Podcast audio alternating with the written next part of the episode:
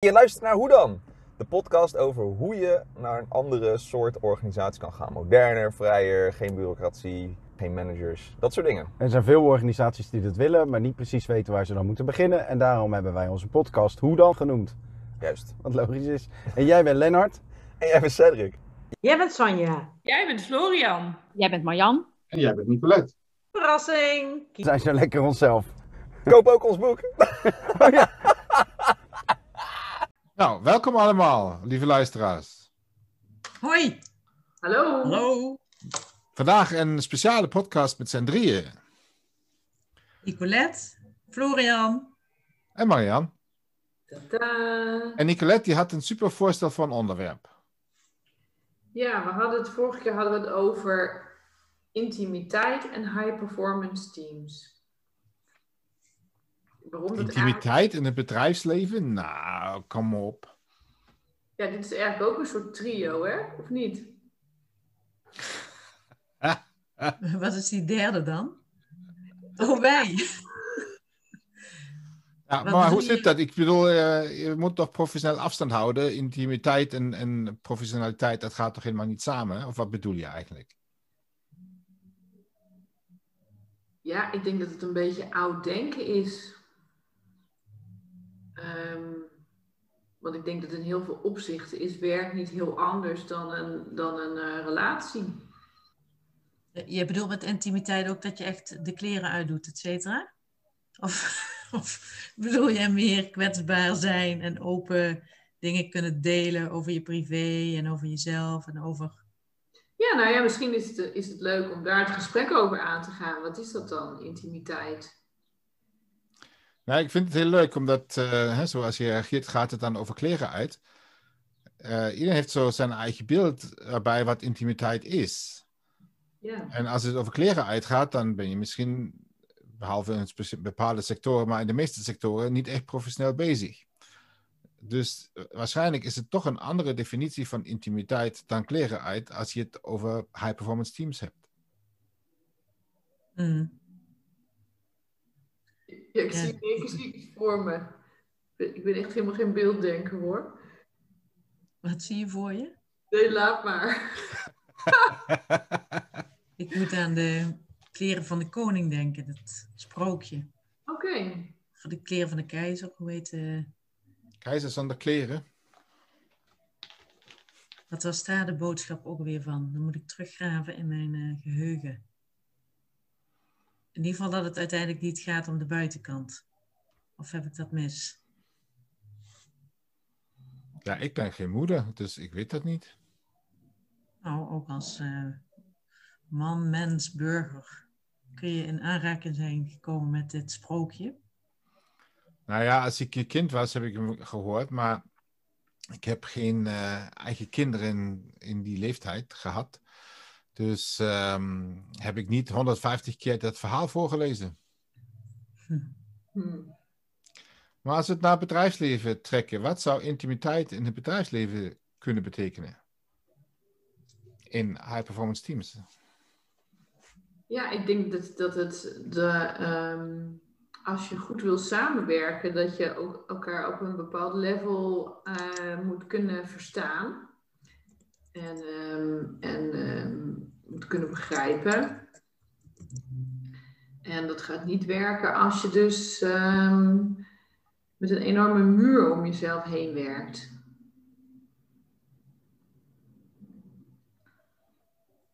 Mhm.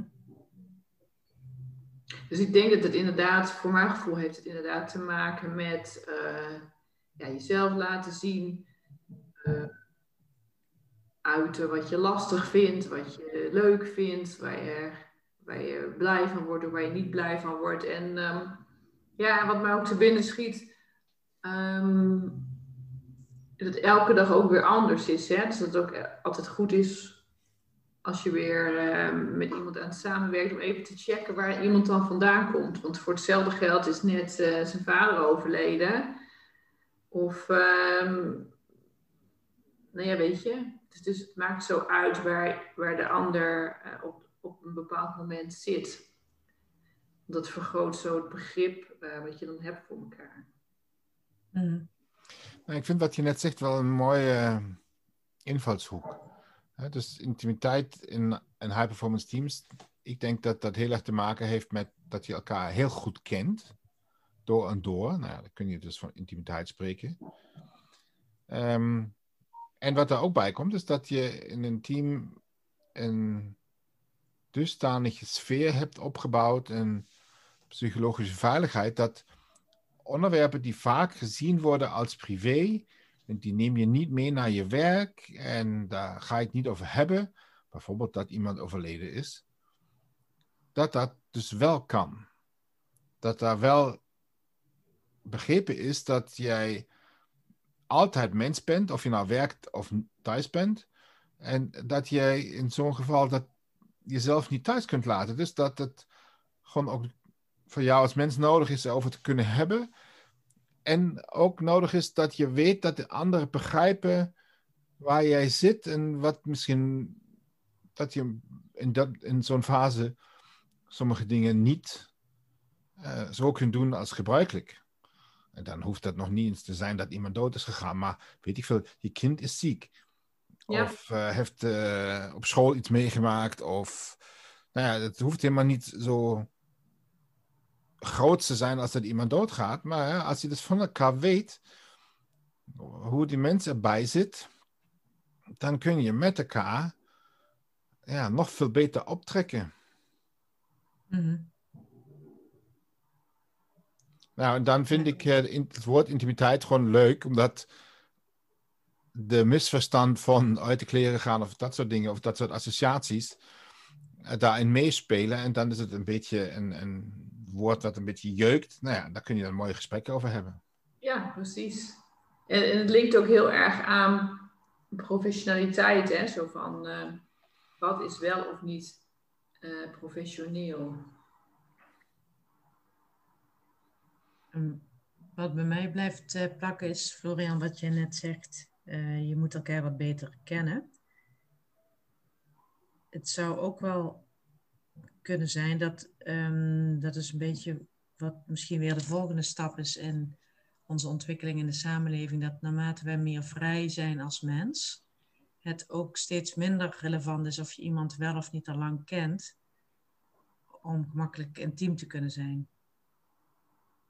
En als ik dat dan vertel naar organisaties, hoe vrijer medewerkers zijn, hoe minder relevant het is dat je elkaar echt lang en goed kent. Niet zo zwart-wit, maar de relatie is denk ik niet meer zo nauw verbonden als dat vroeger was. Ineens het dan, zie je dat dan zo dat het omdat je uh, je vrij voelt, dan gedraag je je vrij en dan laat je eigenlijk al zoveel van jezelf zien dat daarmee het contact in de relatie makkelijker is? Ja, dat zeg je goed. Dus als ik, hoe vrijer ik me voel, hoe minder relevant het is of ik jou of jou wel of niet al lang ken, maakt mij dan niet uit. Ik deel gewoon lekker. Ja. Als, het, als het past op dat moment natuurlijk. natuurlijk. Ja. Dus wat ik eigenlijk van jou hoor, even checken of, je dat, of dat, dat is wat je bedoelt te zeggen. Uh, dus een hoge mate van in, intimiteit is zeer bevorderlijk, bevorderlijk en wenselijk.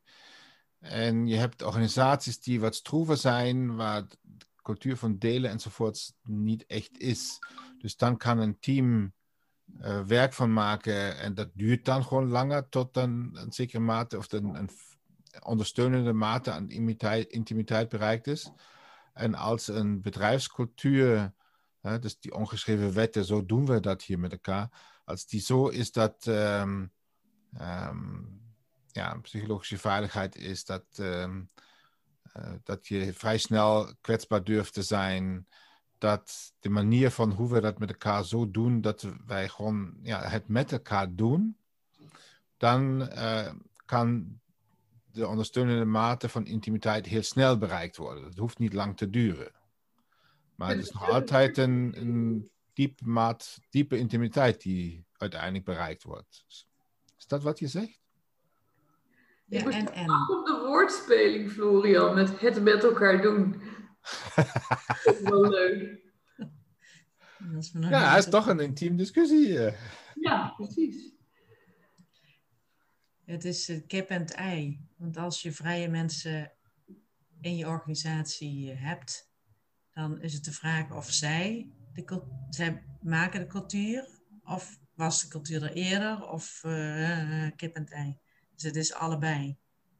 Dus hoe meer je vrije mensen hebt in je organisatie, hoe makkelijker de voedingsbodem ook is dat je intiemer bent met elkaar. Ja, dus eigenlijk is het heel mooi eh, als mensen zichzelf bevrijden van ehm, allerlei gedachten en overtuigingen en wat wel of niet zou moeten of wat wel of niet zou horen. Mhm, Ja. mhm, Nou ja, wat, wat ik dan ook wel ervaar is ehm, dat het soms ook wel lastig is hè, als niet iedereen dat doet. Dus ik kan dan wel ehm, van alles van mezelf laten zien. Maar als de rest dat niet doet, dan, dan ehm, ja, wordt dat wel vaak gezien als ehm oh wat vreemd dat je dat hier vertelt. Of, eh, oh, of dat je je frustratie hier uit. mhm. Dat is toch niet handig? Dadelijk kost het je je kop. Nee, wil je nog even, wil je nog even wat harder schreeuwen of zo? Of, eh, Hmm. Ja, en als je het even op een schaal zou zetten, dan is het meest ideale dat iedereen vrij is en de cultuur ook, ook dat versterkt. ja, En dan is dat zeg maar even wat je met elkaar graag zou willen. En daar naartoe bewegend is het fijn dat je elkaar helpt om eh, dingen met elkaar te delen. Of in ieder geval ruimte te creëren of te plannen misschien soms wel. Met soms ook wat hulp van buiten, zeg maar een coach of zo. Die je helpt om de drempel te verlagen. Ja nou, ik, ik, ik, ik zat daar deze week nog in. Toen werd er, gingen we, hadden we het over de voortgang van een bepaald project. En dat bleef hangen. En dat bleef eigenlijk hangen op, op cultuurverschil tussen twee eh, organisaties en twee afdelingen. En eh, er was een manager aan het trekken op de voortgang. eh, terwijl er gewoon heel veel frustratie zat en heel veel onbegrip. En waarom, waarom doe jij dit en zeg jij dat? En uh, hebben we echt een heel goed gesprek gehad. En dat was wel even spannend, want alles kwam wel op tafel. Ehm, maar uiteindelijk is dat de enige manier.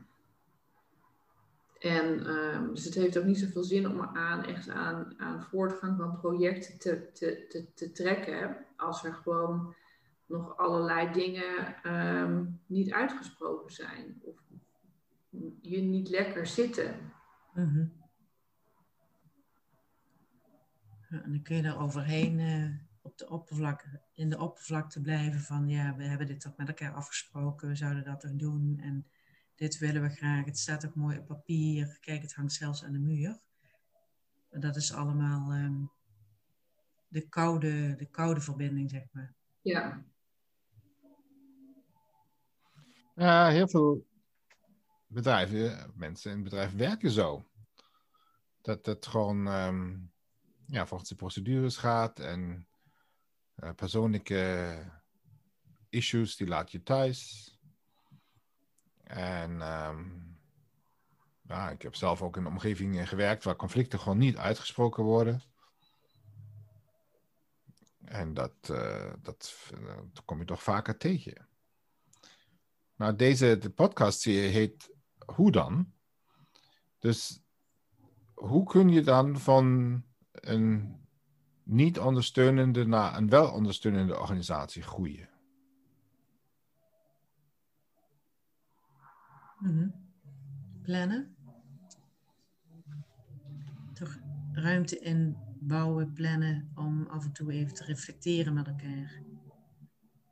Vragen op de tafel te leggen. Ruimte te bieden aan iedereen, die ook aan mensen die normaal niet zoveel eh durven te zeggen of zeggen. Vragen van, goh, hoe is het? Eh, hoe heb je dat ervaren? Hoe zie je dat? Wat is jouw verlangen? Wat is jouw wens?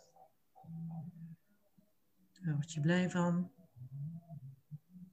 ja wat, wat, wat welke ik ook wel herken, is dan als je, ehm, stel je voor je gaat in gesprek in met een aantal mensen, dat je dan iedereen even een minuut geeft om even te vertellen waar zit je. Even inchecken noem ik dat. Ja, ik denk een incheck of een check-in is inderdaad een, een heel goede manier. En ehm, En je kunt ook check-out, hè? ja, het is vaak eh, heel goed als het samen gaat. Ja, Wat ik wel nog een beetje zit te mijmeren is. ehm, je kunt niet, denk ik, zomaar beginnen met eh, iedereen aan tafel te zetten en verwachten dat ze dan eh, hun ziel blootleggen. Dus je moet met elkaar een, een weg afgaan. Je moet, eh, denk ik, ehm, dat leren met elkaar. Alle mensen, of nou leidinggevende medewerkers, zijn toch allemaal mensen die met elkaar moeten leren en ook openstaan voor dat te willen leren, dat, eh, ja, dat dieper gekeken wordt. Er zijn veel mensen die hebben daar helemaal geen behoefte aan, die vinden dat maar prima zo. Mhm. Die eh, nemen dan mee en, nou ja, ik heb check-ins meegemaakt waar het over de, hoe leuk het weekend was, ging, maar niet over hoe ze zich in dat moment voelden. was veel te spannend. En, ehm, dus uiteindelijk denk ik dat, eh, dat een intentie duidelijk moet zijn, bijvoorbeeld vanuit leiders, en die transparant gemaakt wordt, ook uitgelegd wordt waarom en hoe zou. En dat gevraagd wordt wie wil mee. ja dat is ook een stukje voorbeeldgedrag. Ook. Ja, En ook een Ja, soort... nog mooier zou. Oh, sorry. Nee. Oh, ik wilde zeggen, nog mooier zou het zijn als, je, als het eigenlijk vanzelf gaat. Dus dat je een paar dragers hebt. En dat je niet hoeft te, niet hoeft te zeggen van, goh, we gaan dat nou doen. Of we plannen dit of dat. Maar dat, het, dat je inspirators hebt die het eigenlijk zo puur vanzelf doen. Dat het zo aanstekelijk wordt dat het veel makkelijker wordt voor anderen ook om eh, dingen te delen. Of, of misschien hoef je nog niet eens te delen, maar wel dat, je, dat alles er mag zijn. Het gevoel van dat het oké is. Ook als je een keer eh, chagrijnig eh, bent of ongesteld of whatever. Ik denk dat het heel veel doet. Dus je kan, je kan iedereen kan gewoon altijd hiermee beginnen. Het is ook een leuk experiment hè, om te kijken dan anderen het oppakken of eh, dat het jij zei net, Nicolette, jij zei net dat bij jullie, eh, jij probeert dat ook. Hè? Wat werkt, wat merk je dat wel werkt? Ehm, nou, het is altijd heel makkelijk om dingen te benoemen die goed gaan. Ehm, maar als het dan even iets minder is of niet leuk is, om dat dan gewoon ook eh, te benoemen. Mhm. Over het algemeen voelen mensen zich dan ook uitgenodigd om dat dan ook eh, te doen. Mhm. Een soort hand, hand uitsteekt, dat je zegt van, oh ja, dit leeft er in mij. En dan denken ze, oh, maar dan, eh, dan, eh, dan wil ik ook wel iets vertellen over wat er in mij leeft Mhm. dan, dan groeit het eigenlijk vanzelf een beetje. Mhm. Dus dat is dan toch maar doen. En dan, eh, ja, een beetje je nek uitsteken. Zo, ja, voor mij voelt het al niet meer zo. En waarom zou je het doen eigenlijk? Wat, waarom zouden we het willen doen? Dan komen we weer bij het high performance team uit. Waarom geloven we dat het zo werkt? Ja, maar ik denk dat je jezelf overal mee naartoe neemt, dat dat ook de bedoeling is. Ehm,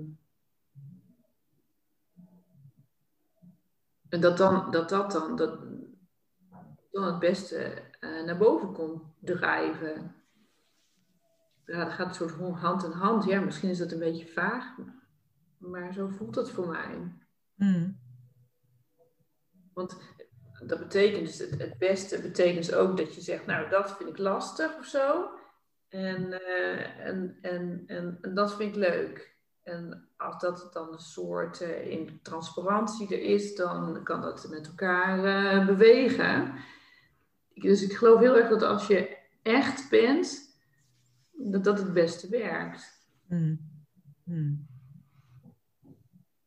Nou ja, en dan denk ik dat uh, als je op zo'n manier, dus ook naar de onderstroom kijkend, een high performance team bent geworden, dan is het gewoon leuk. Dan ga je uh, succesvol zijn, dan heb je plezier in je samenwerking. Het is uh, waarschijnlijk ook economisch succesvol.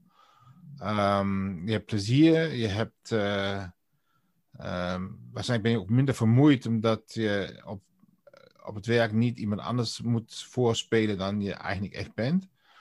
Dus uiteindelijk is een high performance team, zowel voor de mensen als ook voor een organisatie, heel aantrekkelijk, denk ik. Hmm. Nou, volgens mij hebben we hem wel zo, hè? Nou, er is nog één ding wat me te binnen schiet. Laat me zeggen, als je dus jezelf overal mee naartoe mag nemen, dan komt er ook een soort ontspanning, hè? En Mm. ik denk dat, dat ontspanning wel echt ook een voorwaarde is om uh, lekker te werken en om nieuwe dingen te creëren en om. Uh, als je heel gespannen bent, ja, hoe, kun je dan, hoe kun je dan leuke dingen doen? Of goede dingen doen? En hoe kun je dan productief zijn? Ja. Dat is een hele mooie. Nou jongens, ready? Yes. Laat ons weten wat je van deze, van dit trio vond. En misschien heb je ook nog ideeën voor uh, andere thema's waar je uh, ons over wilt horen mijmeren. Nou, bedankt voor het luisteren in ieder geval en uh, tot een volgende podcast. Doei doei. Joehoe, fijn weekend allemaal.